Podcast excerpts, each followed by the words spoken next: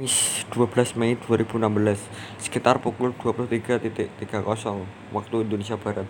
Tersangka RAL janjian dengan korban untuk bertemu dengan korban di kamar mes korban di Jatimulya Dadap Kosambi Tangerang. Korban baru mengenal tersangka selama satu bulan dan intens saling SMS-an korban membukakan pintu pagar masuk ke dalam mes. Setelah korban memberi kode untuk masuk tersangka RAL kemudian masuk ke kamar korban. Malam itu hujan mengguyur kawasan Dadap korban dan tersangka RAL kemudian berbincang-bincang selama sekitar 30 menit. Selanjutnya tersangka RAL dan korban saling berciuman.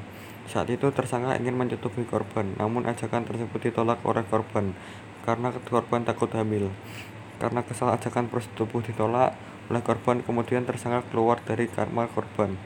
Saat tersangka berada di luar kamar korban tersangka bertemu dengan tersangka Arif. Arif kemudian bertanya kepada RAL terkait keberadaannya tersangka di depan mes korban dengan ucapan